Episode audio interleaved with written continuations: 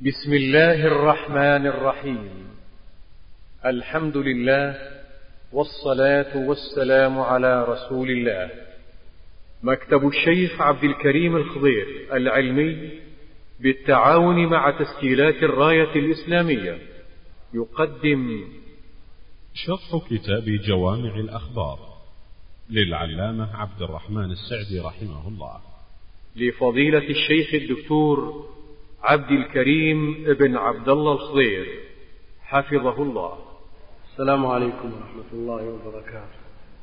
بسم الله الرحمن الرحيم. الحمد لله رب العالمين وصلى الله وسلم وبارك على محمد وآله وصحبه ومن تبعهم بإحسان إلى يوم الدين. قال المؤلف العلامة الشيخ عبد الرحمن بن ناصر السعدي عليه رحمة الله تعالى الحديث الخامس والأربعون عن أسمر بن مبرس رضي الله عنه أن رسول الله صلى الله عليه وسلم قال من سبق إلى ما لم يسبق إليه مسلم فهو له رواه أبو داود. الحمد لله رب العالمين وصلى الله وسلم وبارك على عبده ورسوله نبينا محمد وعلى آله وصحبه أجمعين. نعم هذا الحديث فيه الدلالة على أن من تقدم غيره إلى شيء مباح مشاع بين الناس كلهم فهو أحق به. من سبق إلى ما لم يسبق إليه مسلم فهو له. يعني هو أحق به من غيره. جئت إلى المسجد ما في أحد تجلس في أي مكان تريد. وليس لأحد كائنا من كان أن أن يأمرك بأن تقوم من هذا المكان أبدا. إنك سبقت في الأمور العامة المشاعة إلى ما لم تسبق إليه. وقل مثل هذا في المباحات في البراري مثلا. سبقت إلى الكلاء سبقت إلى الماء سبقت إلى الأمور العامة. وإذا كان هذا في المباحات فمن باب أولى في مواطن العبادة. ولذا قال في قال الله جل وعلا في بيته الحرام سواء العاكف فيه والباد. العاكف المقيم الملازم للمسجد المجاور يستوي هو البادي الذي صاحب البادية الذي يأتي ليؤدي فرض واحد ويرجع ما في فرق. ثم قال ومن يرد فيه بإلحاد يعني كونك تعتدي على شخص جالس في أي مكان من المسجد الحرام أو غيره من المساجد لكن الأمر فيه أشد لأنه سماه إلحاد. تعتدي عليه وتأمره بأن يقوم من مكان. لا هذا إلحاد. فليحذر الأخوة الذين يحجزون أماكن ويضيقون على الناس. وجد بعض التصرفات في أقدس البقاع مشينة وصل فيها إلى حد الضرب. يعني في آخر لحظة من رمضان بقي على ذان المغرب خمس دقائق. آخر لحظة من رمضان في آخر يوم مضاربة في صحن الحرم. هذا ابعد هذا مكاني هذا من على أي أساس؟ سبقت خلاص هذا مكانك من سبق إلى ما لم يسبق إليه. المسلم كذلك في الأراضي البور البيضة سبق إليها فلان وأحياها هو أحق بها المشاعر سبق إلى مكان في منى أحق به سبق إلى مكان في عرفة وأحق به. مواطن العبادة الناس فيها سواء. لا يجوز الاحتجار والتضييق على الناس البتة. أما التعدي عليهم هذا ظلم لهم. بعض الناس يستأجر الأجراء ليحجزوا له الأماكن. هذا موجود في المواسم. تجد مثلا أجراء يحجزون أماكن لمن يتخلف ويمشي الناس قبلهم لأن من تقدم أولى به. ولا تجوز الأجرة في مثل هذه الأماكن. في كثير من المساجد أو في كثير من بلدان المسلمين تعارف الناس على موضع الإمام وموضع المؤذن. مسألة عرفية. لكن لو جاء شخص وجلس في موضع المؤذن وأصر أن يبقى فيه وقد دخل المسجد قبل المؤذن له ذلك. شيخ يعلم الناس العلم وله عمود واضح بين. جاء وجد في شخص جالس. الأصل أن هذا الشخص سبق. لكن أهل العلم يستثنون مثل هذا للمصلحة الراجحة. سم. وعن ابن عباس رضي الله عنهما قال قال رسول الله صلى الله عليه وسلم ألحقوا الفرائض بأهلها فما بقي فلأولى رجل ذكر. يقول المؤلف رحمه الله تعالى في حديث ابن عباس المتفق عليه قال رسول الله صلى الله عليه وسلم ألحقوا الفرائض بأهله الفرائض الأنصبة المقدرة المحددة شرعا التي تولى الله جل وعلا قسمتها بين أصحابها ومستحقيها من قرابة الميت التي لم يترك فيها اجتهادا لأحد. ولذا صار الخلاف في مسائل الفرائض هو الأقل من بين سائر أبواب الدين. فالخلاف في الفرائض لا يكاد يذكر في مسائل يسيرة جدا تولى الله جل وعلا قسمة هذه الحقوق. لم يتركها لاجتهاد أحد. وبين أصحاب الفرائض. بين حقوقهم. وجاء الأمر بتطبيق ما جاء في كتاب الله جل وعلا. من هذه الفرائض والحقوق. فقال عليه الصلاة والسلام ألحقوا الفرائض بأهلها طبقوا ما جاء في كتاب الله جل وعلا وأعطوا كل ذي حق حقه. ومعلوم أن الإرث متعلق بتركة الميت. وقبل الإرث هناك حقوق تتعلق بالتركة منها ما يتعلق بحق الميت نفسه ومؤونة تجهيزه وهذا هو المقدم على كل حق. ومنها الديون المتعلقة بعين التركة الديون التي فيها رهن لشيء من الموروث ثم الديون المطلقة التي لا تتعلق بعين التركة من حقوق الله وحقوق عباده ثم بعد ذلك الوصايا ثم الإرث. يقول عليه الصلاة والسلام ألحق الفرائض بأهلها مقتضى ذلك أن يقدم أصحاب الفروض المقدر على غيرهم. فيقدم صاحب الفرض.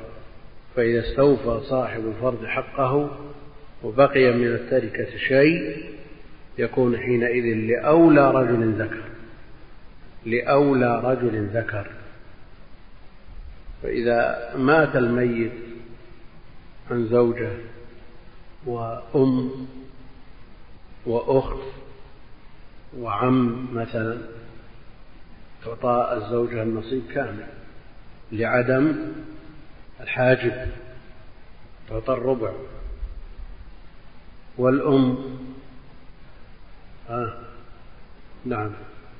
كم؟ لماذا الثلث؟ لعدم وجود فرع الوارث وجمع من الإخوة. نعم. والأخت النصف لماذا؟ نعم لعدم فرع الوارث وعدم المعصب وعدم الأصل من الذكور الوارث كم يبقى للعم؟ يبقى للعم شيء؟ يبقى له شيء ولا ما يبقى؟ فما بقي؟ ماله إلا ما يبقى والآن ما يبقى شيء. ما يبقى شيء. المسألة تعول لو قدر أنه ليس هناك أخت زوجة وأم وعم أو أخ للزوجة الربع وللأم الثلث وللعم الباقي. ثم بقي فلأولى رجل ذكر. والأصل في التعصيب أنه للذكور لهذا الحديث ولغيره. هم العصبات في الأصل هم المتعصبون بأنفسهم. هناك عصبة بالغير ومع الغير.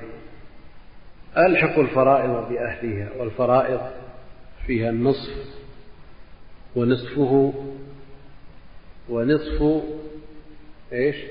نصفه. النصف والربع والثمن. وفيها الثلثان ونصفهما ونصف نصفهما. الثلثان والثلث والسدس.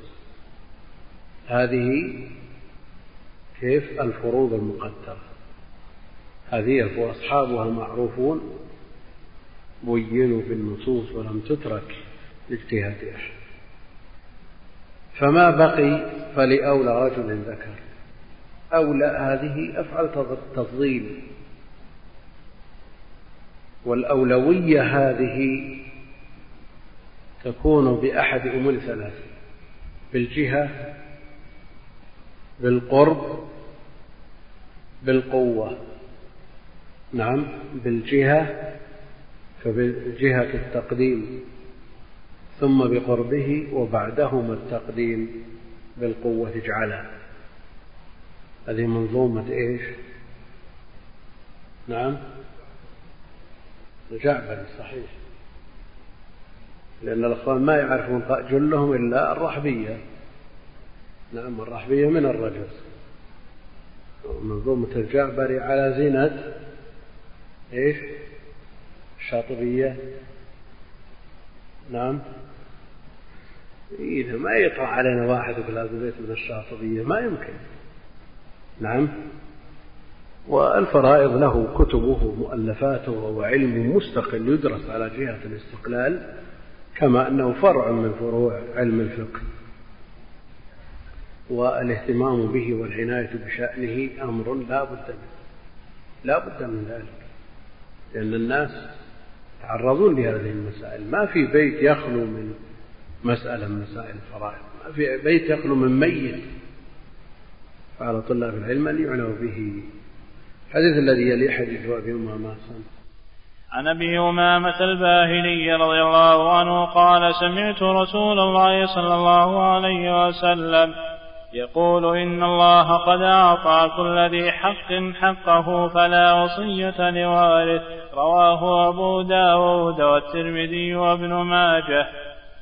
حديث أبي أمامة سدي بن عجلان والباهلي رضي الله عنه يقول سمعت رسول الله صلى الله عليه وسلم يقول إن الله قد أعطى كل ذي حق حقه فلا وصية لوارث فلا وصية لوارث. هذا الحديث مخرج في السنن وفيه كلام لأهل العلم لكنه متلقى بالقبول متلقى بالقبول.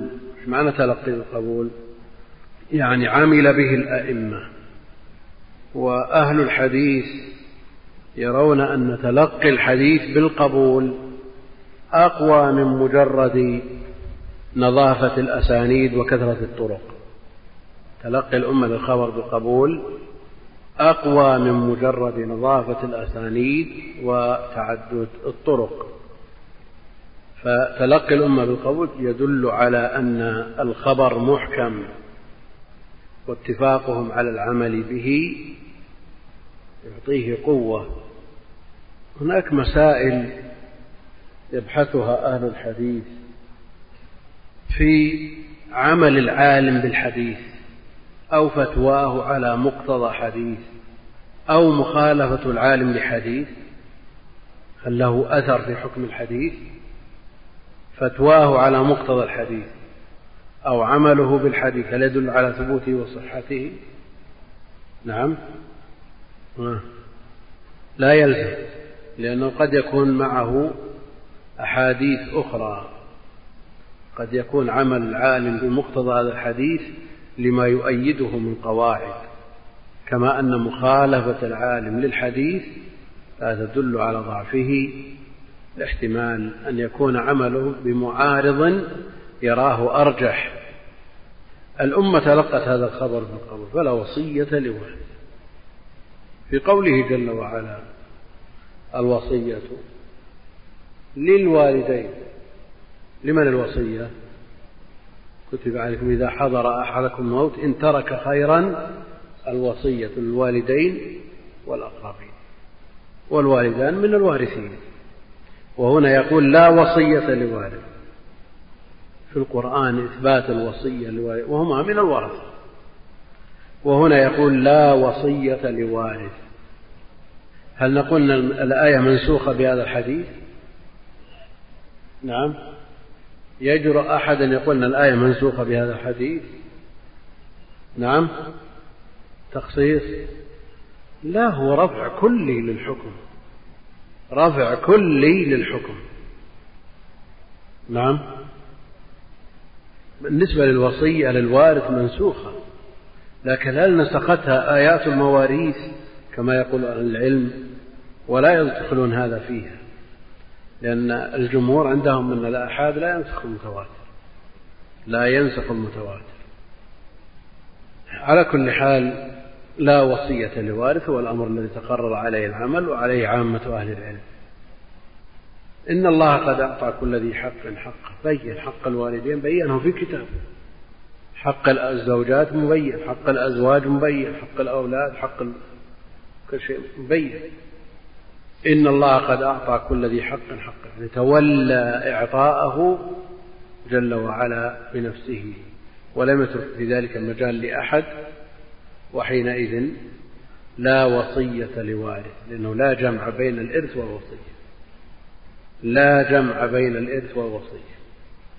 الوصية معروفا أنها لا تنفذ إلا بعد موت الموصي.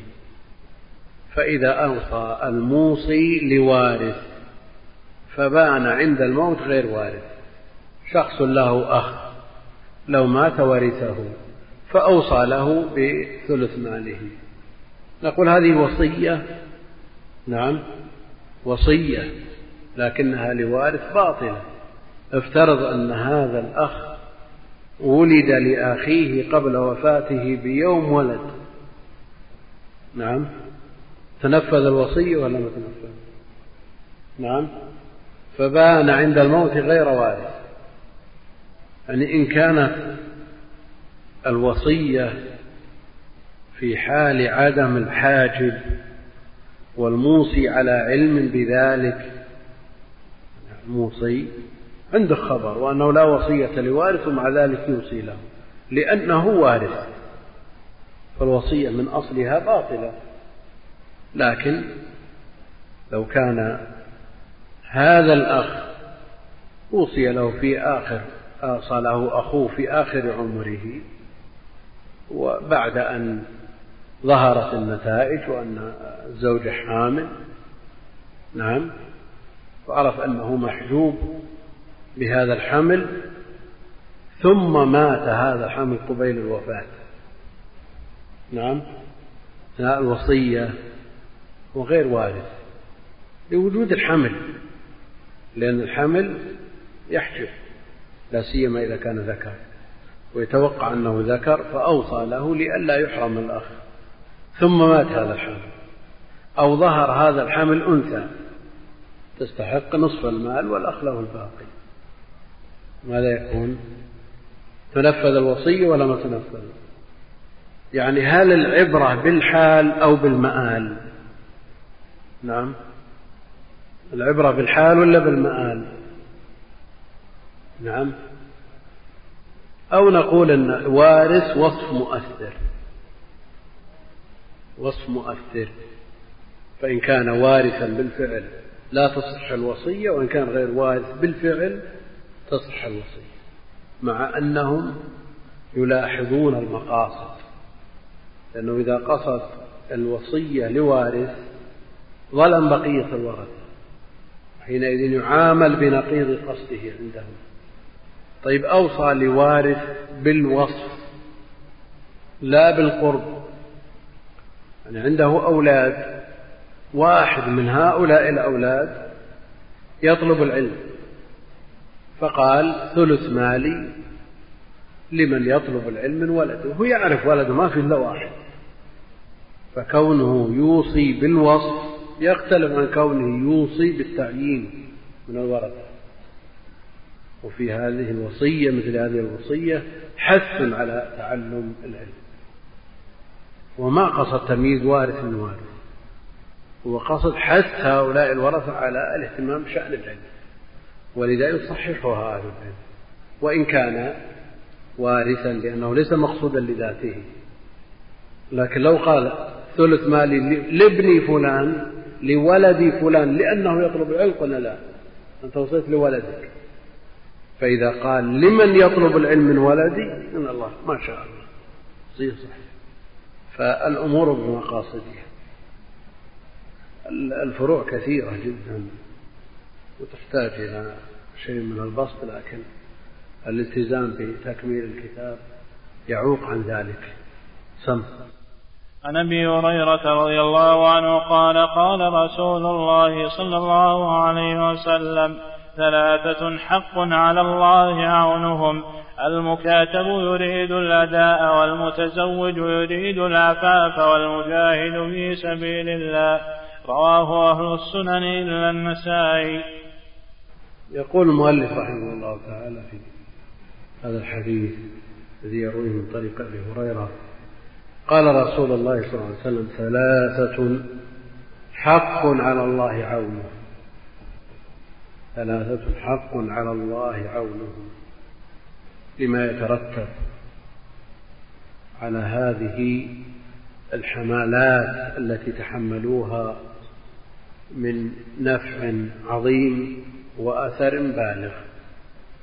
ثلاثة حق على الله عونهم المكاتب يريد الأداء المكاتب يريد الأداء يعني ينوي الأداء فإذا كانت هذه نيته وكاتبه سيده بطلب منه يريد الحرية ليتعبد من غير تقييد فالله جل وعلا يعينه. فإذا أراد العبد أن يتحرر بالكتابة من قيود الرق ليعبد الله جل وعلا ولينفع نفسه وغيره وهو مع ذلك يريد أداء نجوم هذه الكتابة فإن الله جل وعلا يعين. وهكذا ومثله من تحمل بعض الديون لحوائجه الأصلية وهو يريد أداءه بخلاف من أخذ أموال الناس تكثرا. بخلاف من أخذ أموال الناس تكثرا. ومع الأسف الشديد كثير من الناس لا يحسب أي حساب للدين فتجده يتخبط ويضطر إلى أن يستدين ويرهق نفسه بالديون ونيته الله أعلم بها عن كونه يريد الأداء أو لا يريد لكن هو تسبب في إغراق نفسه بالديون. نعم يختلف الأمر فيما إذا كان يريد الوفاء أو لا يريد الوفاء يريد إتلافها أتلفه الله. لكن إذا لم يكن هناك سبب لتحمل هذه الديون فالدين خطر. شغل الذمة خطر. فإذا كانت الشهادة وهي القتل في سبيل الله تكفر كل شيء إلا الدين فالدين شأنه عظيم. وقد امتنع النبي عليه الصلاة والسلام من الصلاة على المدين. حتى ضمن الدين. وعلى هذا من تحمل الدين لحاجة مع نية الوفاء حكمه حكم هذا المكاتب. ومثل ذلك المتزوج يريد العفاف. المتزوج يريد العفاف. ولذلك لما في الزواج من مصالح دينية ودنيوية ومن سنن المرسلين وأوجبه بعض أهل العلم مطلقا وإن كان حكمه تنتابه الأحكام الخمسة عند جمع من أهل العلم وعلى كل حال من رغب عنه فقد رغب عن السنة مهما كان عذره. ولو قال يتفرغ للعلم ولو قال يتفرغ للجهاد ليتفرغ للعبادة هذا عبادة. وفي بضع أحدكم صدقة وهو أيضا تعاون على البر والتقوى. وهو أيضا إبقاء للنوع الإنساني. وهو أيضا تحقيق لأمره عليه الصلاة والسلام بالتكاثر. وقد أمر النبي عليه الصلاة والسلام بالزواج.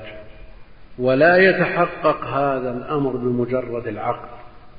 لا يتحقق هذا الأمر بمجرد العقد يا معشر الشباب من استطاع منكم الباءة فليتزوج. هذا أمر. هو يختلف العلماء في حقيقة الزواج وحقيقة النكاح. هل هي العقد أو الوطء أو هما معا أو حقيقة في أحدهما مجاز في الآخر الخلاف طويل. لكن الذي قرره شيخ الإسلام رحمه الله تعالى أن امتثال الأمر لا يتحقق إلا باجتماع الأمرين فليتزوج. لو قال شاب نعم النبي عليه الصلاة والسلام قال من استطاع منكم الباءة فليتزوج. أنا عقدت حققت الأمر وخرجت من عهدة هذا الأمر إذا أطلق قبل الدخول. نقول لا يا أخي لا بد من تحقق الأمرين. وهذا في النكاح المأمور به كما يقول شيخ الإسلام لا بد من الأمرين معا. أما النكاح المنهي عنه فالنهي ينصرف إلى العقد وحده وإلى الوضع وحده وإلى الأمرين من باب أولى. فمثلا تنكحوا ما نكح آباؤكم إلا ما قد سلف. نعم. قد يقول المراد به العقد لأن حقيقة النكاح العقد. إذا العقد هل يتصور أن أن أن الشرع يحرم العقد ويبيح الوطء؟ أو يقول مثلا المراد بحقيقة النكاح الوطء إذا أعقد. لا لا بد من اجتناب الأمرين معا. اجتناب الأمرين معا. وتيمور لما أعلن الدخول في الإسلام وهو ظالم باغي معتدي أعلن الإسلام وتحته نساء أبيه. فقال علماء الإسلام علماء الإسلام قالوا لا يجوز أن يبقى تبقى نساء أبيه في عصمته بعد إسلامه. فخشوا من سطوته وردته إن كان أسلم حقيقة والله يتولى السرائر وبطشه وانتقامه من المسلمين. قال واحد من من أهل العلم قال نجد له مخرج لأن الضرر متحقق. نجد له مخرج وهو أن نقول أن عقد أبيه على هؤلاء النسوة باطل. نعم كانوا كفار. فعقد أبيه على هؤلاء النسوة باطل. لكن هل يسوغ له أن يطأ هؤلاء النسوة اللاتي وطأهن أبوه ولو بعقد باطل؟ لا يجوز هذا بحال هذا رأى من المصلحة العامة للأمة أنه يترك. مفسدة خاصة به وبنسائه أسهل المصلحة عامة جائحة في الأمة. بعض أهل العلم يصير عنده من الجرأة من مثلها. في مثلها. ويتفاوتون في تقرير المصالح والمفاسد لكن لا شك أن مثل هذه الفتوى إن لم يكن الضرر متحققا والبلاء متعديا على الأمة وإلا فهي فتوى باطلة. وإن قال بعضهم إنها عين الفقه المقصود أن النكاح المنهي عنه يقع على العقد وحده ويقع على الوطء وحده ويقع عليهما من باب أولى معا كما قرر شيخ الإسلام ابن تيمية. على كل حال المتزوج يريد العفاف. المتزوج يريد العفاف الممتثل للأوامر الشرعية. لا بد أن يجمع بين الأمرين. بيقول الله أنا خلاص عقدت إذا تزوجت. لأن الزواج والنكاح حقيقته العقد. يعني على قول ما يلزم يطلق ويطلق قبل الدخول ليسترد نصف المهر. نقول لا يا أخي ما حققت الأمر الشرعي. وإذا كان هذا هدفك من من الأصل فالله جل وعلا لن يعينك على هذا لأنك ما امتثلت الأمر. ونظرا لعظم المصالح في الزواج والنكاح جاءت الأوامر به وجاء الوعد بعون هذا المتزوج. لكن في حياة الناس اليوم ما هو بعيد كل البعد من الهدي النبوي في النكاح والزواج. فهل من يخسر في ليلة واحدة خمسمائة ألف مثل هذا يدخل في الحديث. قاعة ولا فندق تستأجر خمسمائة ألف ليلة ليلة واحدة. مثل هذا هل هو يرجو مثل هذا العون؟ من الله جل وعلا. المقصود أنه المتزوج المحقق للهدف الشرعي من الأمر بالزواج الممتثل للتوجيهات الشرعية والوصايا النبوية في الزواج. أما شخص عنده مخالفات عظيمة في الزواج ويريد العون من الله جل وعلا يبذر إن المبذرين كانوا إخوان الشياطين. فأخو الشيطان لا يستحق العون. المتزوج يريد العفاف بهذه النية يريد أن يعف نفسه ويعف زوجته ويحصل بينهم من الأولاد من يدعو لهم بعد وفاتهم والمجاهد في سبيل الله. المجاهد في سبيل الله الذي يتحمل ما يعينه على الجهاد. فهذا الذي يجاهد في سبيل الله لإعلاء كلمة الله لصد العدوان على عباد الله مثل هذا الله جل وعلا يعينه في آه، تسديد ما تحمله من أجل الجهاد. والله المستعان. نعم. عن عائشة رضي الله عنها قالت قال رسول الله صلى الله عليه وسلم يحرم من الرضاعة ما يحرم من الولادة. رواه البخاري ومسلم. يحرم من الرضاعة ما يحرم من الولادة. المحرمات في النكاح إما أن تكون بالنسب أو بالمصاهرة أو بالرضاعة فالمحرمات بالنسب مفصلة في سورة النساء مفصلة في سورة النساء. حرمت عليكم أمهاتكم إلى آخره. فيحرم من الرضاع ما يحرم ما حرم في هذه الآية.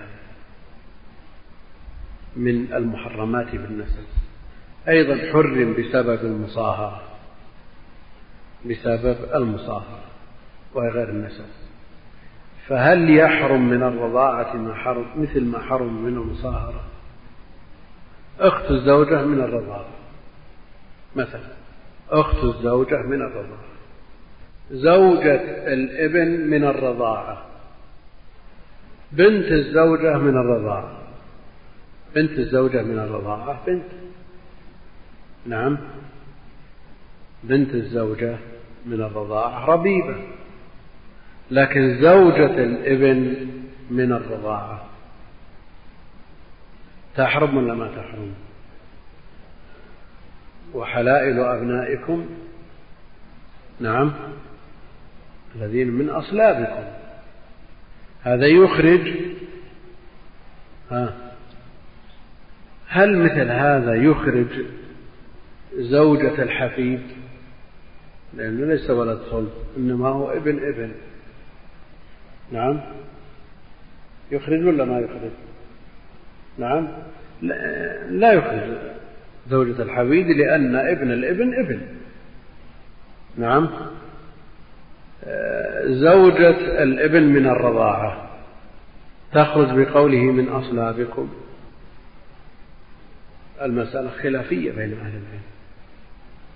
المسألة خلافية بين أهل العلم. ولولا قوله من أصلابكم لدخلت في قوله عليه الصلاة يحرم من الرضاعة ما يحرم من الولادة. لكن هذا القيد من أصلابكم قيد اعتبره بعض العلماء ومنهم من قال تحرم بهذا الحديث. نعم. والقيد من أصلابكم يخرج الولد بالتبني فقط. أما ولد الرضاعة فهو ولد. طيب يمكن الاحتياط في مثل هذا الباب ولا ما يمكن؟ يمكن الاحتياط في مثل هذا الباب؟ هو لك يا عبد بن زمعة واحتجبي منه يا سيدة نعم؟ فالاحتياط في مثل هذا الباب أن لا يتزوج زوجة ابنه من الرضاعة كما أن الاحتياط في مثل هذا الباب أن لا تكشف له زوجة ابنه من الرضاعة هذا احتياط. كما قال النبي عليه الصلاة والسلام هو لك يا عبد بن زمعة. هذا حكم شرع. لكن لما رأى الشبه البين بعتبة قال احتجبي يا سود وإلا فالأصل أنه أخوه الاحتياط في مثل هذا وارد لكن من ترجح عنده شيء بدليله ويدين الله جل وعلا بهذا القول الراجح لا يلام في فعله لكن يبقى أن الاحتياط مطلوب. يحرم من الرضاعة ما يحرم من الأم من الرضاعة حرام الأخت من الرضاعة حرام البنت من الرضاعة حرام ويختلفون في ما كان من الرضاعة له نظير مما حرم بالمصاهرة. يختلفون في مثل هذا والاحتياط أيضا أن الحكم واحد. حتى من أخت الزوجة من من الرضاعة الاحتياط منعها والله المستعان. وأن تجمعوا بين الأختين عموم هذا اللفظ نعم عموم هذا اللفظ وأن تجمعوا بين الأختين مثلا. يتناول الأخوة من النسب بأن تكون أخت شقيقة أو لأم أو لأب وكذلك من الرضاعة فهذا العموم هذا النص بعموم يتناول الأخت من الرضاعة وهو الأحوط وهو قول جمهور العلماء. نعم. عن أبي هريرة رضي الله عنه قال قال رسول الله صلى الله عليه وسلم لا يفرك مؤمن مؤمنة إن كره منها خلقا رضي منها آخر. رواه مسلم. هذا الحديث فيه مقياس ونبراس للتعامل بين الزوجين. فالمؤمن لا يستعجل في أموره. لأنه قد يرى من أخلاق زوجته ما يسوءه فيقلاها ويبغضها بسبب هذا ثم يتركها. تكون النهاية الترك. وهذا مع الأسف الشديد واقع كثير من الزواجات في العصور المتأخرة ونسب. الطلاق مرتفعة جدا. في الأيام الأولى من من الزواج. والسبب أن هذا الزوج متوقع شيء في هذه الزوجة ولديه أحلام يتوقع أن هذه الزوجة تفي بجميع ما يريد ثم يفاجأ من أول يوم أن لديها خلق لا يرضى. التوجيه النبوي لا لا يتعجب وإذا وقف منها على خلق ذميم فلينظر إلى الأخلاق الأخرى. إن كره منها خلقا رضي آخر. وهل يتصور أن المرأة مبرأة من كل عيب ونقص؟ مشتملة على كل فضل؟ ما هو صحيح. لو كان في نساء الدنيا من هذه صفته ما صار للجنة مزية ونساء الجنة مزية. بل لا بد من العيب والنقص. وليس هذا خاص بالنساء. أيضا الرجال كذلك. امرأة أقدمت على قبول زوج لما تسمع عنه. تسمع عنه أنه صاحب علم صاحب فضل صاحب خلق صاحب كرم صاحب كذا ثم تقدم. تفاجأ من أول يوم من المسألة أقل مما توقعت. فتنشز. أيضا هي مطالبة بأن لا تستعجل. إن كرهت منه خلق ترضى منه لكن يخاطب الأزواج بمثل هذا لأن الأمر بأيديهم. هم أهل القرار في مثل هذه الأمر. وإلا فالمرأة أيضا مطالبة ومخاطبة بها. لا تستعجل. نعم هناك أخلاق لا يمكن الصبر عليها. هناك أخلاق لا يمكن الصبر عليها. هناك أمور ومعايب يرتكبها بعض الرجال ليس للمرأة أن تصبر عليها وهناك أيضا معايب في بعض النساء لا يمكن للرجال الصبر عليها. لكن هناك أمور محتملة تمشي بالتدريج. مثل هذه هي التي جاء التوجيه بالصبر عليها. وغض البصر عنها غض الطرف عنها والنظر إلى الصفات الحميدة في هذه المرأة وفي هذا الرجل. كم من امرأة أقدمت على شخص بسبب انتشار سمعته. لكن هي ما تعرف إلا الظاهر تسمع السمعة. ولا تدري عن شيء من معاملته في بيته. قد يكون من أسوأ الناس خلق لكن الناس عملوا معه على الظاهر. فالإقدام لا بد أن يكون على بينة ولذا لا بد من التحقق والتأكد من الطرفين في شأن الآخر. ولذا أمر الرجل في أن ينظر إلى المرأة أذن له أن ينظر.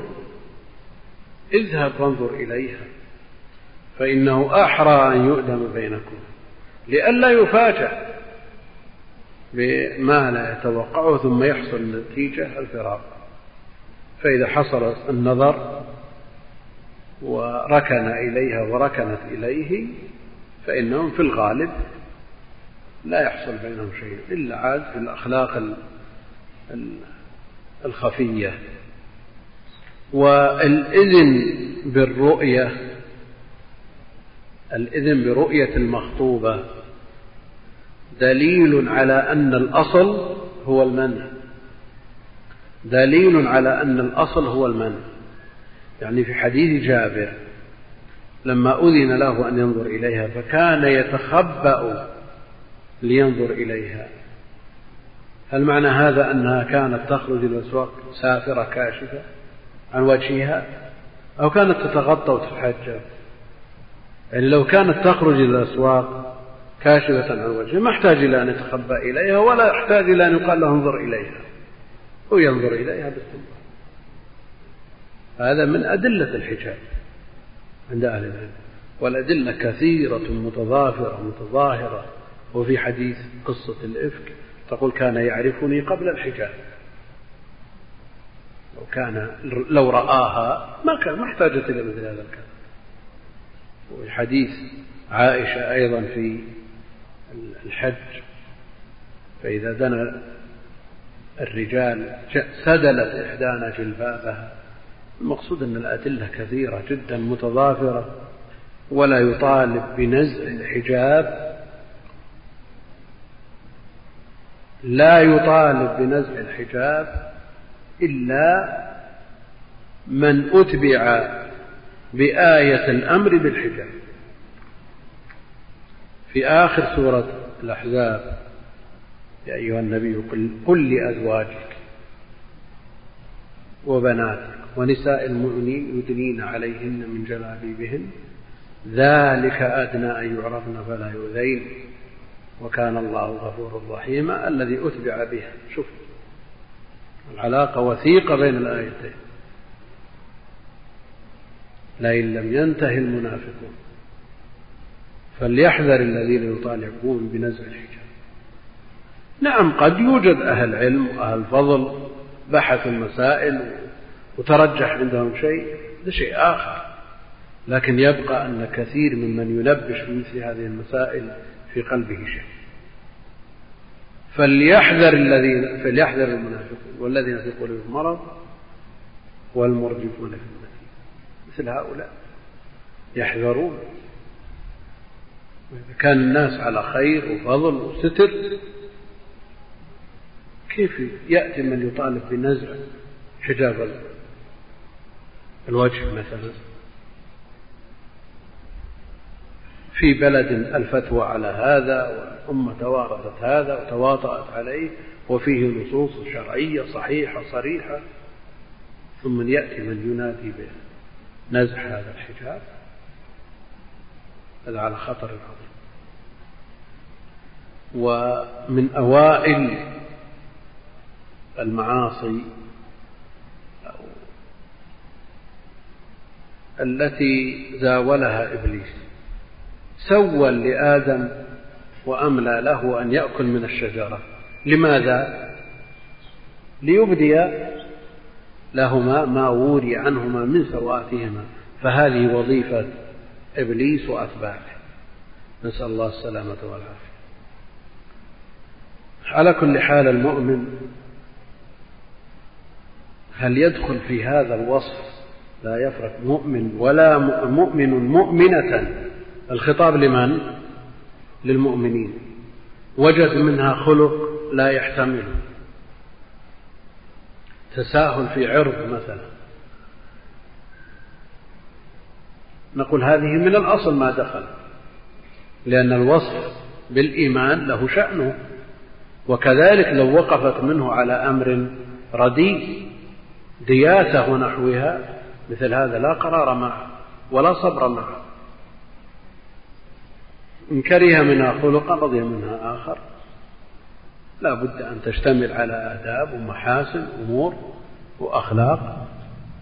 قد يظهر بعضها في الأيام الأولى وقد لا تتكشف كثير منها إلا بعد حين. نعم. عن عبد الرحمن بن سمرة رضي الله عنه قال قال رسول الله صلى الله عليه وسلم يا عبد الرحمن بن سمرة لا تسأل الإمارة فإنك إن أوتيتها عن مسألة وقلت إليها وإن أوتيتها عن غير مسألة وعنت عليها وإذا حلفت على يمين فرأيت غيرها خيرا منها فأت الذي هو خير وكف عن يمينك رواه البخاري ومسلم. حديث عبد الرحمن بن سمرة. قال له النبي عليه الصلاة والسلام يا عبد الرحمن بن سمرة. وخطابه عليه الصلاة والسلام للواحد من أمته نعم هو خطاب للجميع. فكل واحد منا يتجه له هذا الخطاب. يا عبد الرحمن ابن سمرة لا تسأل الإمارة. لا تسأل الإمارة. وفي حكم الإمارة جميع الوظائف. وكان الأمر في صدر الأمة لا تحتاج الأمة إلا إلى أمير والأمير وهو القاضي وهو المنفذ وهو الحاكم وهو المفتي وكل شيء. وكان يسمى عامل عامل. الإمام الأعظم يعين في كل بلد عامل. نعم هم عمال. لأنه لأن عملهم لمصلحة الأمة لا لا لمصالحهم الخاصة. يا عبد الرحمن بن سمر لا تسأل الإمارة لماذا؟ لأنها مزلة قدر. وسؤالك للإمارة مع ما تتطلبه من شروط وكمالات تزكية للنفس يعني إذا سألت ولاية ولا إمارة ولا قضاء ولا وظيفة ولا كذا كأنك تقول لمن تسأله أنا كفء لهذا العمل. فهذا تزكية للنفس من جهة. الأمر الثاني أن فيه خطر عظيم تدخل على أمر تظنه سهل ثم بعد ذلك تتورط بأمور لا تحسب لها حساب. ولذا لما زار ابن عمر عبد الله بن عامر في مرضه وطلب منه أن يدعو له وأن يوصيه قال لا يقبل الله صلاة بغير طهور ولا صدقة من غلول وكنت على البصرة. يعني ابن عمر ما يشهد عليه بشيء. بشيء بين واضح لا. لكن مجرد كونك على البصرة لا بد أن يدخل عليك شيء. لأن الإنسان إذا خلي بينه وبين ما تشتهيه نفسه ويميل إليه طبعه وليس عليه حسيب ولا رقيب ولا شيء لا بد أن يتساهل في بعض الأمور. وكنت على البصرة يعني أعد حساباتك. ولا صدقة من غلول والذي يؤخذ من بيت المال بغير حق غلول. لا تسأل الإمارة لأنها مزلة قدم وعليها آثار ويتضمن الطلب والسؤال أيضا تزكية النفس وأنه أهل وكفء لهذا العمل. فإنك إن أوتيتها من عن مسألة وكلت إليها. يعني إذا سألت وكانت ثقتك بنفسك توصلك إلى هذا الحد أن تسأل هذه الولاية وهذه الإمارة وهذه الوظيفة توكل إلى نفسك لأنك جئت من قوة لهذا العمل وثقة تامة بالنفس بخلاف إن أوتيتها من غير مسألة. إذا أعطي وولي على عمل من غير مسألة فلا شك أنه سوف يعان عليها لا سيما إذا لم يستشرف لهذا العمل ولم يوافق هذا العمل إلا بإلحاح. مثل هذا لا شك أن الإعانة والتوفيق يكون حليفه بإذن الله تعالى. وإن أوتيتها عن غير مسألة أعنت عليها. وأي مسلم يستغني عن إعانة الله جل وعلا وعن توفيق الله تعالى. الإنسان إذا وكل إلى نفسه وكل إلى ضعف إلى ضعف وعجز الأمر مدرك يدركه كل إنسان من نفسه. والله المستعان. المسألة الثانية مما اشتمل عليها من الحديث اشتمل على مسألتين مسألة سؤال الإمارة والثانية اليمين. إذا حلفت على يمين فرأيت غيرها خيرا منها فأت الذي هو خير وكفر عن يمينك. حصل نزاع بينك وبين فلان من الناس وأقسمت ألا تدخل بيته أو لا تكلمه. ثم رأيت من المصلحة أنك تكلم فلان تدخل بيته فرأيت غيره خيرا منها فأت الذي هو خير وكفر عن يمينك. في بعض الروايات تقديم الكفارة. كفر عن يمينك ثم أت الذي هو خير. أولا الكفارة مترتبة على أو سببها انعقاد اليمين.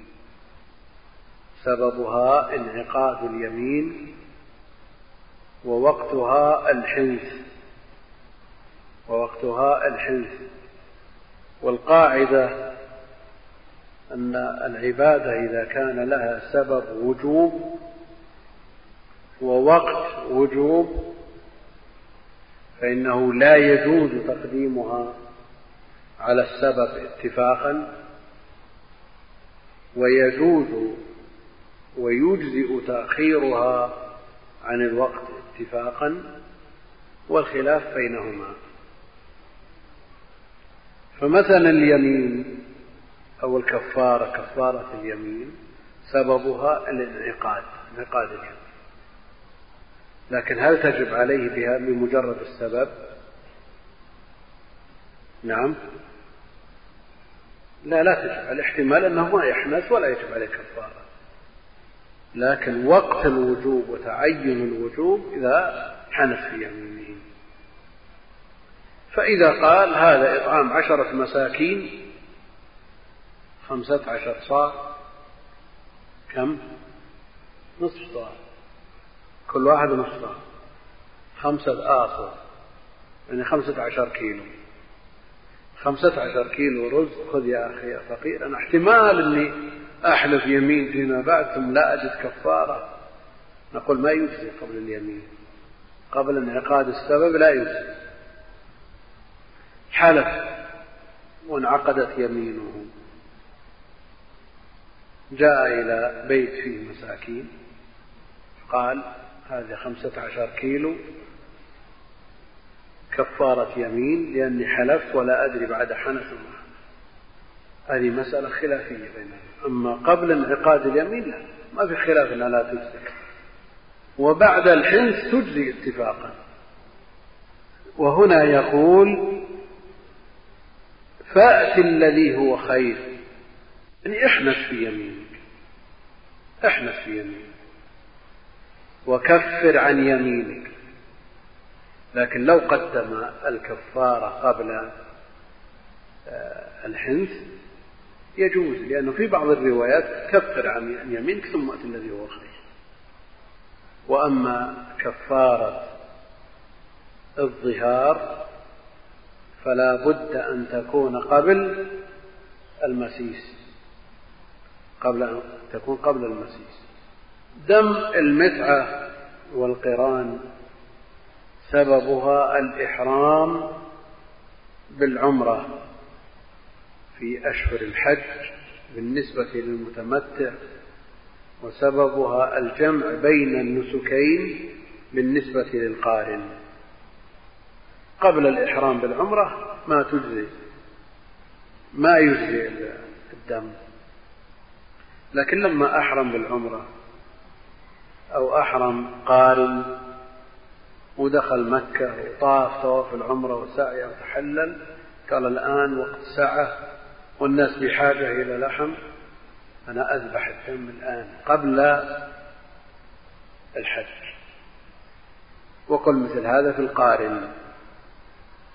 طاف طواف القدوم وسعى سعي الحج. وقال الناس الآن بحاجة إلى لحم. ليش أنتظر إلى يوم العيد؟ ويوم العيد الناس ما هم بحاجة. فيه الخلاف المذكور. فيه الخلاف المذكور. لكن جمهور أهل العلم على أنها لا تجزي إلا في يوم العيد. في يوم العيد. القاعدة هذه ذكر ابن رجب في قواعده وذكر لها أمثلة كثيرة فليرجع إليه. إذا حلفت على يمين فرأيت غيرها خيرا منها فأت الذي هو خير وكفر عن يمينك. حلفت والله ما أدخل بيت فلان مثلا. فرأيت أنك تدخل لا سيما إذا كان من أهل القرابة. تكفر عن يمينك وأنت حلفت على فلان أن يأكل عندك مثلا أو حلفت بعد تقديم الطعام أن يبدأ أو لا تأكل معه إكراما له. يكفر ولا ما يكفر؟ يعني اليمين التي مقتضاها الإكرام. نعم. حديث أبي بكر في الصحيح. نعم. مش مضمون مش مقتضاه حلفوا أن لا يأكلوا وحلف أن لا يأكل. فأكلوا ثم أكلوا. وهل أمروا بكفارة؟ وهل أمر أبو بكر بكفارة؟ ما في أمر بكفارة. فدل استدل بعض أهل العلم على أن اليمين التي يراد منها الإكرام إكرام الضيف أنها لا يلزم فيها كفارة يجري مجرى اليمين عند بعضهم ما يقصد منه ما يقصد من اليمين من الحث على فعل أو المنع منه. ولذا لو طلق زوجته إن خرجت أو دخلت أو زارت آل فلان أو كذا فمقتضى هذا مقتضى اليمين عند شيخ الإسلام ومن يقول بقوله وأنه يكفر كفارة يمين ولا شيء عليه. المقصود أن الفروع المترتبة على الحديث كثيرة جدا. يا عبد الرحمن بن سمر لا تسأل الإمارة. لا مسائل أحيانا قد يرى الإنسان من نفسه أن هذا العمل متعين عليه. متعين عليه بحيث لو أسند إلى غيره ضاع. فهل له أن يسأل؟ نعم. هل له أن يسأل؟ نعم له أن يسأل. بدليل اجعلني على خزائن لماذا؟ لتوافر الشرط المطلوب. لتوافر الشرط المطلوب. فإذا توافرت الشروط المطلوبة لولاية من الولايات وتعين عليه بحيث لا يوجد غيره يقوم مقامه حينئذ يسوغ له أن يسأل. ولو سأل بطريق غير مباشر بطريق غير مباشر. لا ينبغي أن يسأل سؤال مباشر إنما لو كان بغير مباشر كان حصلت له الإعانة وحصل له المقصود. عن عائشة رضي الله عنها قالت قال رسول الله صلى الله عليه وسلم من نذر أن يطيع الله فليطعه ومن نذر أن يعصي الله فلا يعصي. رواه البخاري. من نذر أن يطيع الله يتعبد لله جل وعلا بطاعة يحبها لزمه الوفاء إلا إذا عجز والطاعات إما أن تكون واجبات أو مستحبات وهي مطلوبة بأصل الشارع وتتأكد إذا قارنها عهد أو ميثاق أو نذر. عهد أو ميثاق أو نذر. يعني فرق بين أن يقول الإنسان في نفسه إذا جاء الراتب أتصدق بمئة ريال. في نفسه. وبين أن يتحدث في المجالس أنه إذا جاء الراتب يتصدق بمئة ريال. وبين أن يقرن ذلك بالعهد والميثاق. إن كان في مجرد نفسه فهو مخير ينظر في المصلحة. إذا تحدث بالمجالس وحفظ عنه الناس ذلك فالوفاء متأكد. إذا قرن ذلك بالعهد والميثاق فالأمر أشد لا بد من الوفاء. فإن لم يفي فأعقبهم نفاقا في قلوب ومنهم من عاهد الله. فإن أتانا من فضله لنصدقن فلما أتاهم من فضله بخلوا به فأعقبهم نفاقا في قلوبهم. فمن نذر أن يتصدق بالمبلغ يلزمه الوفاء. والوفاء بالنذر واجب لا سيما إذا كان فيه طاعة. ومثله لو نذر شيئا مباحا ويستطيع الوفاء به لكن الكلام في لزوم الوفاء بنذر الطاعة. من نذر أن يطيع الله فليطيعه بخلاف من نذر أن يعصي. إذا نذر أن يعصي لا يجوز له الوفاء بهذا النذر. بحال لأن المعصية في الأصل ممنوعة شرعا والذي ينذر المعصية آثم. نذر أن يصوم صوم داود. وسواء كان هذا النذر مقرون بسبب أو غير مقرون بسبب. إن شفاه الله يصوم صوم داود. إن رد الله غائبه إن شفى الله مريضه يصوم صيام داود أو يصوم ثلاثة أيام من كل شهر أو يصوم الاثنين والخميس أو غير ذلك من الأيام التي يستحب صيامها. هذا يلزمه الوفاء. يلزمه الوفاء. إلا إذا عجز إذا عجز يكفر. لكن إذا نذر صياما مستمرا والصيام له بدل بالنسبة للعاجز. نعم؟ وهو الإطعام. هل نقول له كفر كفارة يمين لعجزك عن النذر كله؟ تخرج من العهدة أو نقول الصيام له بدل فإذا عجزت تطعم عن كل يوم مسكين إلى الأبد. كما أنك نذرت أن تصوم إلى الأبد تطعم عن كل يوم إلى الأبد. فيكون مثل ما وجب بأصل الشرع.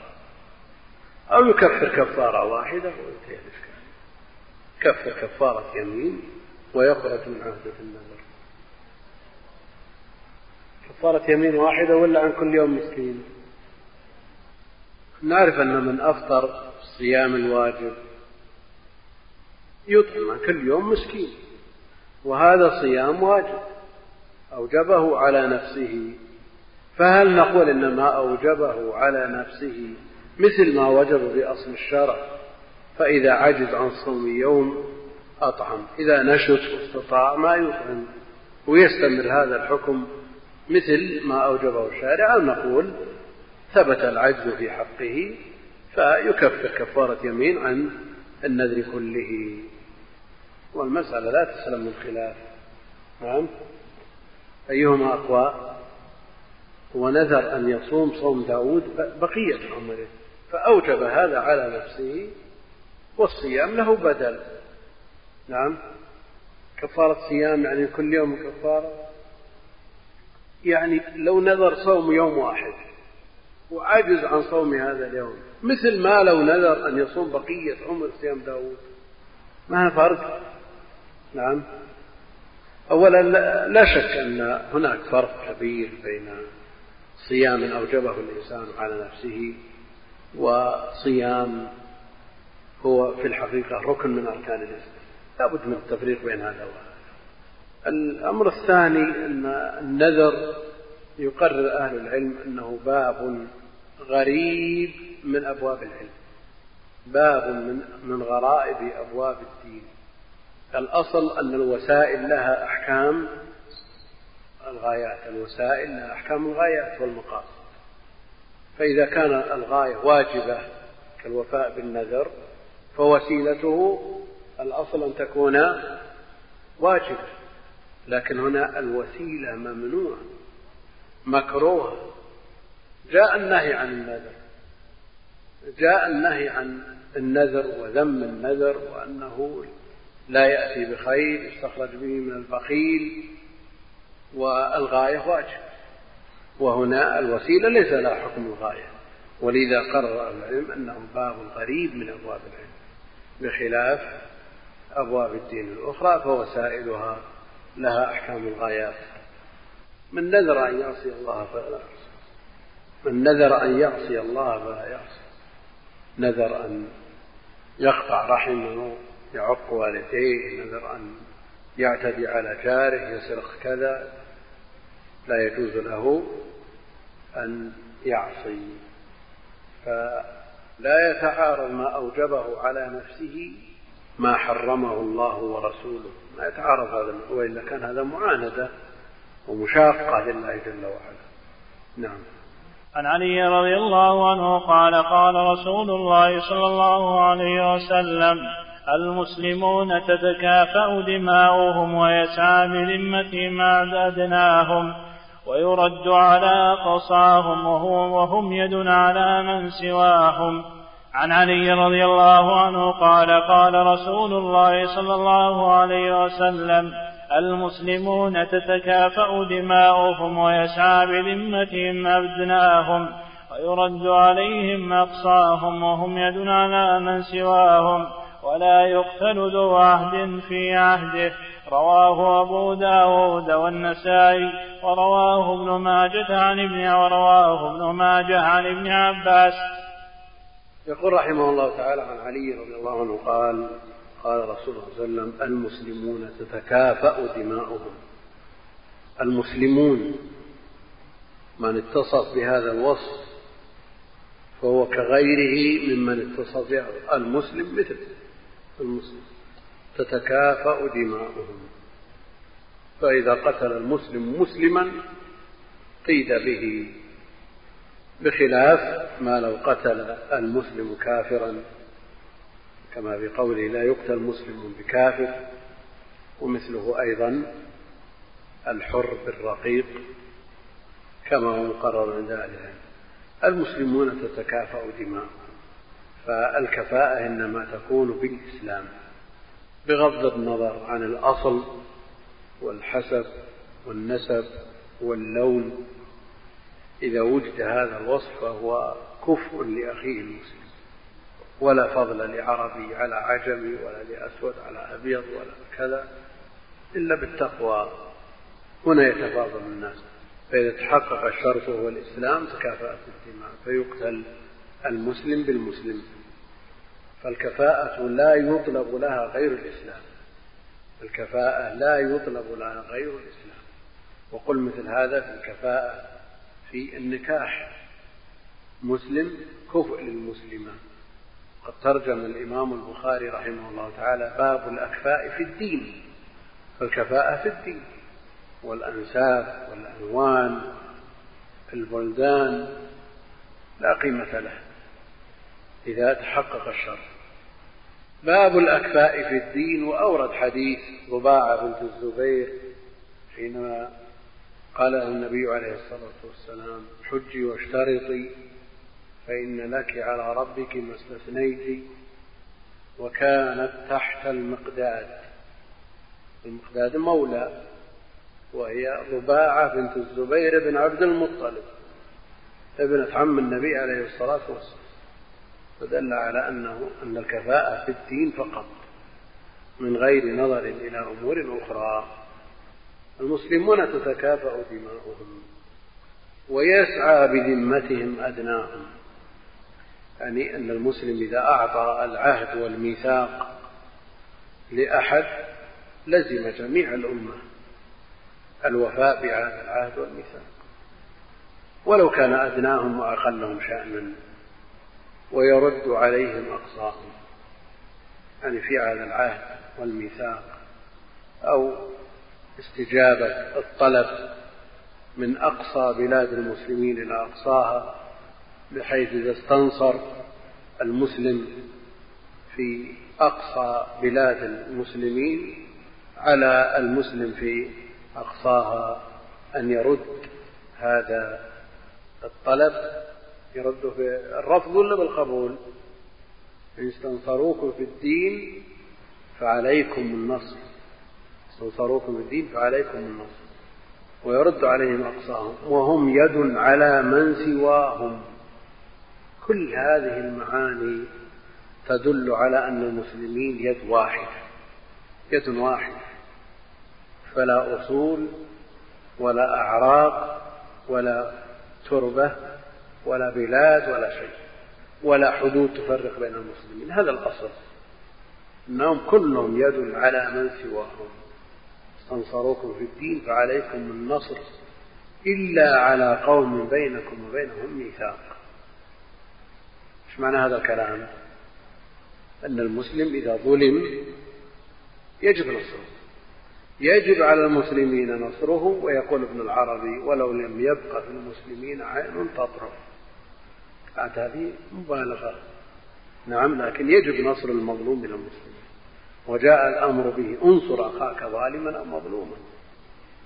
فإذا كان ظالما تكف عن الظلم ونصر له وإذا كان مظلوما تسعى جاهدا برفع الظلم عنه. لكن الأمور والأحوال والظروف لها ما يحتف بها. إذا كنت عاجز عن نصره فلا يكلف الله نفسا لا وسعها. لكن يبقى إذا كنت قادر على نصره تعين عليك نصره. وهم يد على من سواهم. ألا لا يقتل مسلم بكافر؟ لا يقتل مسلم بكافر. مسلم قتل كافرا لا يقاتل به. لا يقاتل به. وإن كان له كما في الحديث ولا يسعى بذمتهم أدناهم لا يقتل مسلم بكافر ولا ذو عهد في عهده. يعني لا يخفر ذو عهد في عهده لأن الجملة السابقة لا يقتل المسلم بكافر. قد يفهم منها بعض الجهال من المسلمين أن في هذا إتاحة لقتل الكافر. نعم أن في هذا إتاحة وترخيص وإباحة لا. يعني لو حصل أن مسلم قتل كافرا لأمور حصلت بينهما لا يقاد به لكن يبقى أنه لا يجوز بحال أن يخبر ذو عهد في عهده لأن هذه الجملة الأولى قد يفهم منها بعض الجهال أن للمسلم أن يقتل لا ليس له ذلك. ولا يجوز بحال أن يخبر ذو عهد في عهده بل لا بد من الوفاء بالعهود والعقود. لا بد من الوفاء. يا أيها الذين آمنوا أوفوا بالعقود ومن قتل معاهدا لم يرح رائحة الجنة. من آذى ذميا فقد آذان إلى آخر ذلك من النصوص الثابتة الصحيحة الصريحة التي تحرم قتل النفس إلا بحقها. إلا بحقها. النفس بالنفس سيد الزاني المرتد الحربي كل هؤلاء يستحقون القتل. ومن استحق القتل مثلا؟ أيضا ليس للأفراد تنفيذ الحقوق أبدا. نعم. شخص ثبت عليه أنه ما يصلي. الجمهور على أنه يقتل. إما مرتد عندما يكفر بترك الصلاة أو حد عند آخرين. لكن هل للإنسان أن يقتل شخص لأنه ما يصلي؟ أو رأى سيبا زانيا له أن يرجمه بنفسه لا ليس له ذلك لأن هذا من حقوق ولي الأمر وذلك افتيات عليه والحدود إليه. ولذا جاء في الحديث الصحيح الرجل يجد عند امرأته رجلا أيقتله فتقتله؟ قال نعم. وإلا لو ترك هذا المجال ما بقي أحد ما بقي آمن.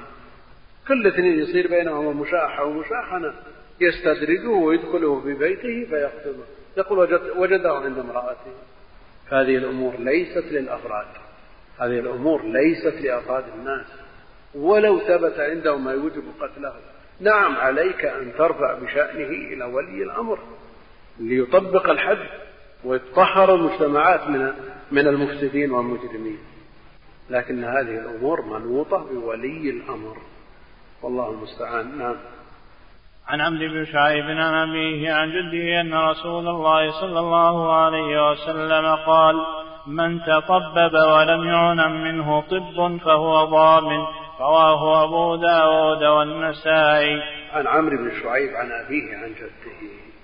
نخرج قليلا عن المتون إلى هذا الإسناد وهذه السلسلة التي روي بواسطتها أحاديث كثيرة صحيفة كبيرة تروى بهذه السلسلة عن عمرو بن شعيب عن أبيه عن جده.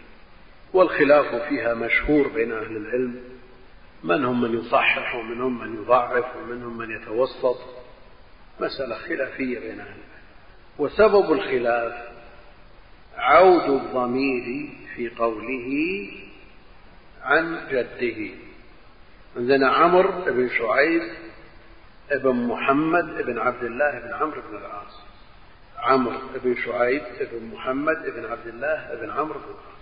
عن عمرو بن شعيب هذا الراوي الأول عن أبيه من؟ شعيب. يختلف يختلف في عود الضمير إلى شعيب؟ لا. عن جده جده من؟ محمد ولا عبد الله بن عمرو؟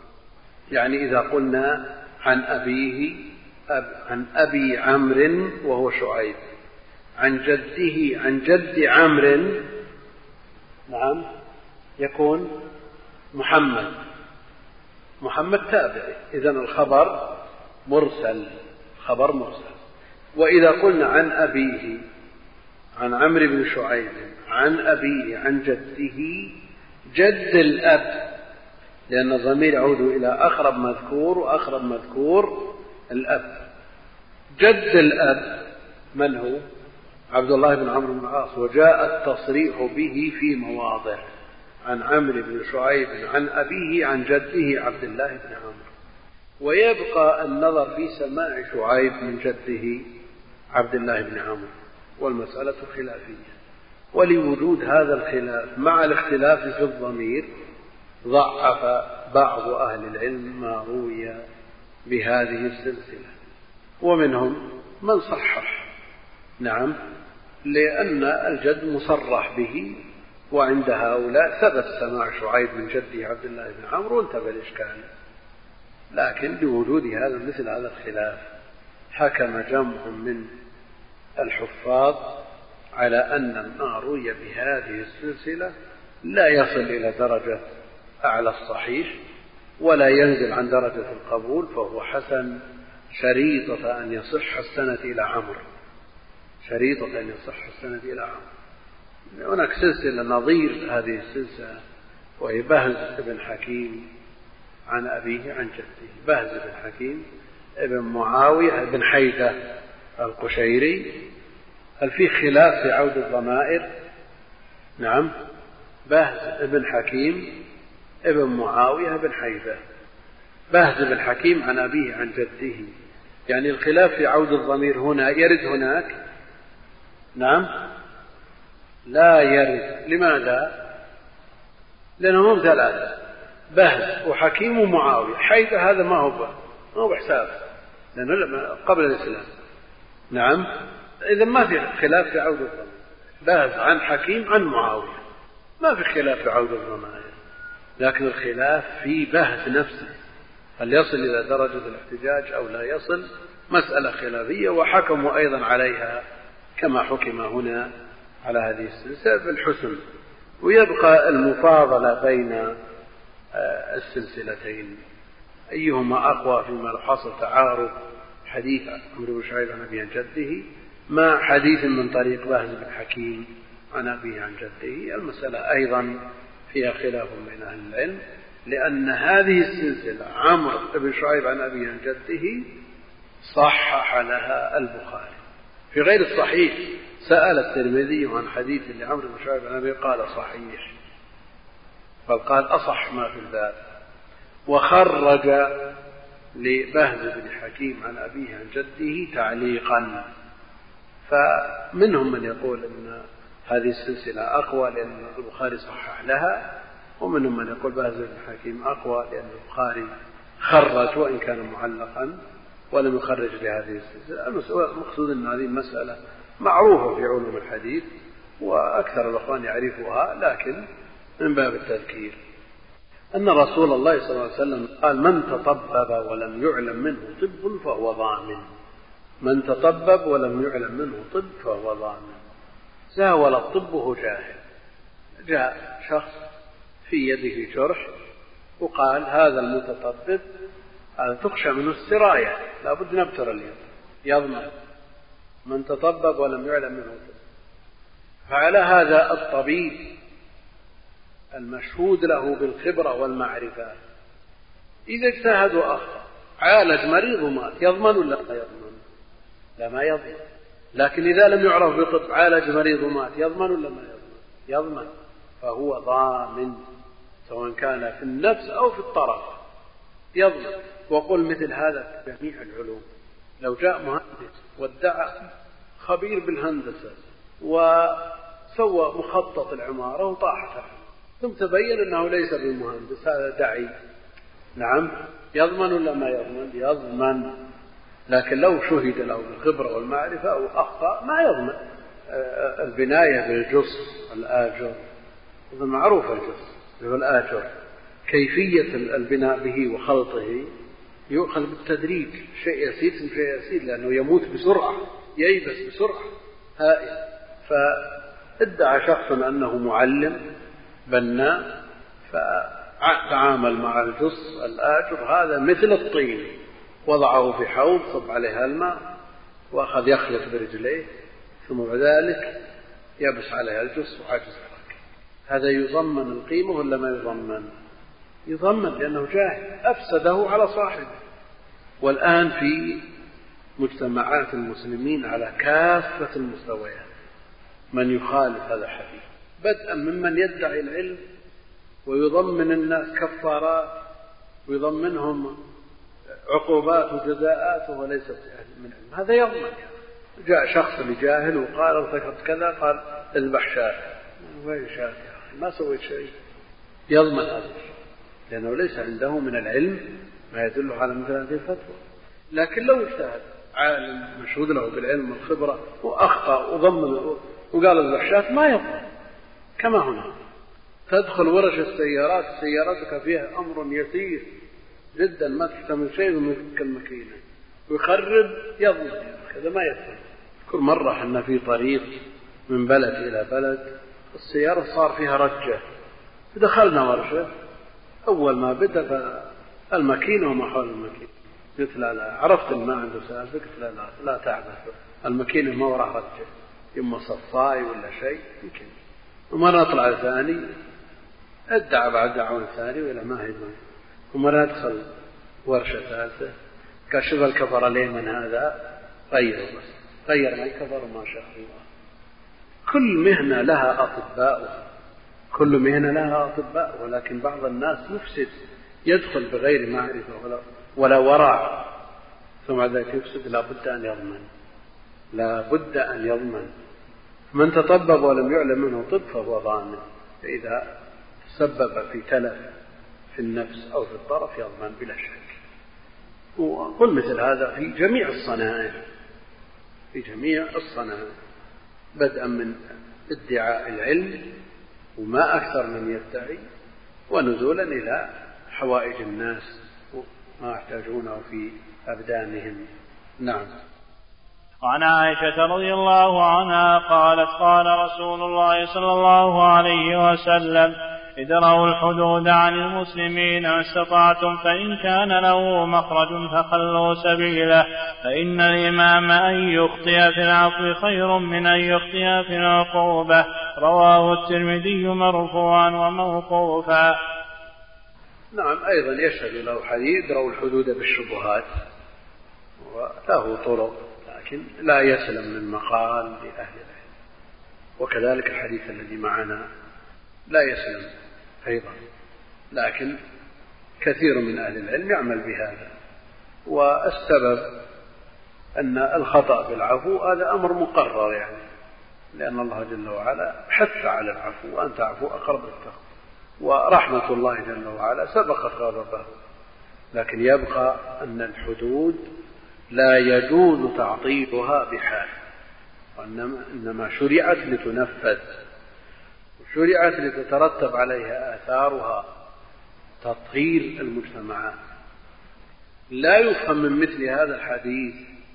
نعم إذا وقع إنسان في عفو ولا زلة وأمكن أن يدرع عنه والنبي عليه الصلاة والسلام آه، لقن ماعز وانصرف عنه مرارا وقالت غامدية تريد أن ترددني كما فعلت ماعز المقصود أن مثل هذا إذا كانت الجرائم قليلة وخفيفة.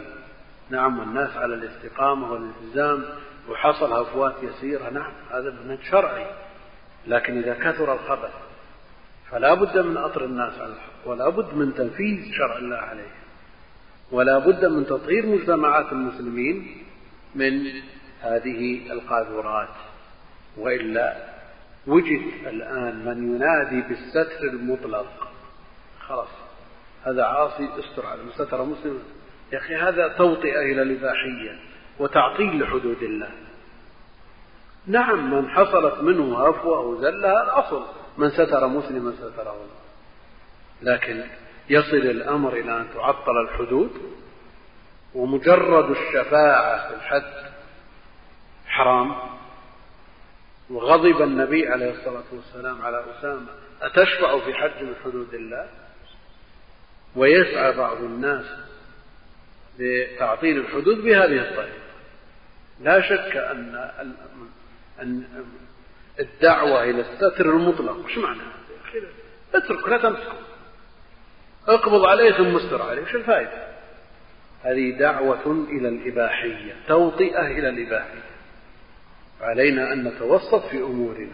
شخص إن حصلت منه عفوة ولا زلة ولا شيء ما ستر المسلم ستره أما أصحاب الجرائم وأرباب السوابق هؤلاء لا بد أن يؤطروا على الحق. لا بد من تطهير المجتمعات منهم. وإذا كان بعض أهل العلم يرى مضاعفة العقوبات حتى تطهر المجتمعات ولذا جاء عند في حديث قتل الشارب في الرابع إذا شرب في الرابع فاقتلوه الجمهور على أن هذا خبر منسوخ. ونعرف أن عمر رضي الله عنه كان الحد أربعين فزاده إلى ثمانين لأن الناس زادوا في الشرب ولم يردعهم الحد الأول زاد. مسألة القتل قتل الشارب في المرة الرابعة الجمهور من أهل العلم على أنه منسوخ.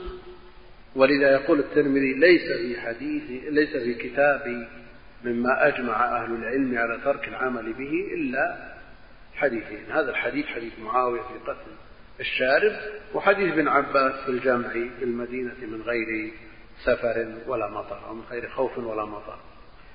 يقول ما عدا ذلك جمع أحاديث اتفق الأئمة على عدم العمل بها وهذا الاتفاق في كثير منها منقول.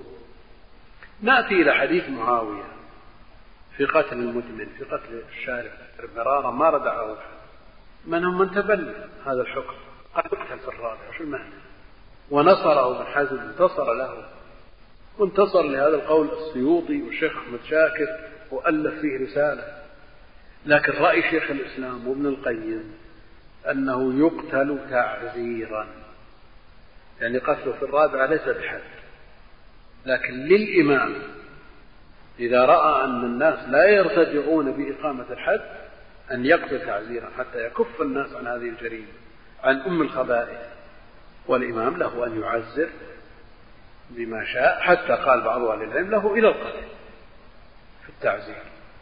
يمكن أن يكف أهل الجرائم والمعاصي إلا بأطرهم عن الحق. وهذا من أوجب الواجبات على ولي الأمر. حفظ الأمن إقامة الصلاة إقامة الحج إقامة الجهاد إقامة الشعائر تطهير المجتمعات من الفساد والمفسدين. هذه من واجبات ولي الأمر. وكلها بالدليل. المقصود أن مثل هذا لا يفهم منه تعطيل الحدود. ادرأوا الحدود عن المسلمين ما استطعتم. بلا شك أنه إذا كان الأمر محتمل هذا وهذا أنه يرجح العفو. والستر هو الأصل. فإن كان له مخرج فخلوا سبيله. وقد أعرض النبي عليه الصلاة والسلام عن ماعز مرارا حتى رأى أنه لا مندوحة من إقامته فإن الإمام أن يخطئ في العفو فإن الإمام أن يخطئ في العفو. الآن على قتل شارب الخمر المدمن. صدرت الفتوى بقتل المروج مروج المخدرات التي ضررها في البلدان. لا يقدر قدره إلا من سمع بعض الأخبار أو كل الأخبار؟ وما تفعل بأصحابها وأربابها. من متعاطيها وأهليهم وذويهم الذين يعانون منهم شيئا لا يخطر على البال. ولذا صدرت الفتوى بقتل المروج. ادرأوا الحدود عن المسلمين ما استطعتم ومن كان له مخرج خلوا سبيله. فإن الإمام أن يخطئ في العفو خير من أن يخطئ في العقوبة. خير من أن يخطئ في العقوبة. وهذه المسألة إذا كانت تحتمل الخطأ. أما إذا كانت لا تحتمل الخطأ يعني وجدت مقدماتها كلها الشرعية فلتوجد نتائجها. يعني هذا الإمام وصله هذا ما يوجب الحد. نعم. الإمام بين أمرين والاحتمال قائم أن تطبيقه لهذا الحد خطأ. نعم. يخطئ في ترك العقوبة أفضل من أن يخطئ في تنفيذ العقوبة لكن إذا كان لا يتطرق الخطأ إلى الوسيلة التي بواسطتها عرف. لا يجوز له أن يعفو بحال ولا يجوز لأحد أن يشفع عنده. ليس معنى هذا يخطئ في العفو يخطئ في العقوبة أنه ثبتت عنده الجريمة. ثم يعفو يقول لن أخطئ لا إذا ثبتت لابد من تنفيذها وإذا بلغت الحدود السلطان فإن عفا فلا عفى الله عنه كما في الخبر. ولا يجوز لأحد أن يشفع عنده ليعطل الحد. لكن المسألة إذا احتملت الخطأ. إذا كان احتمال الخطأ واردا فليكن خطأه في العفو أفضل من خطئه وأخير له من أن يخطئ في العقوبة. والله المستعان. والله أعلم. وصلى الله وسلم وبارك على عبده ورسوله نبينا محمد وعلى آله وصحبه أجمعين.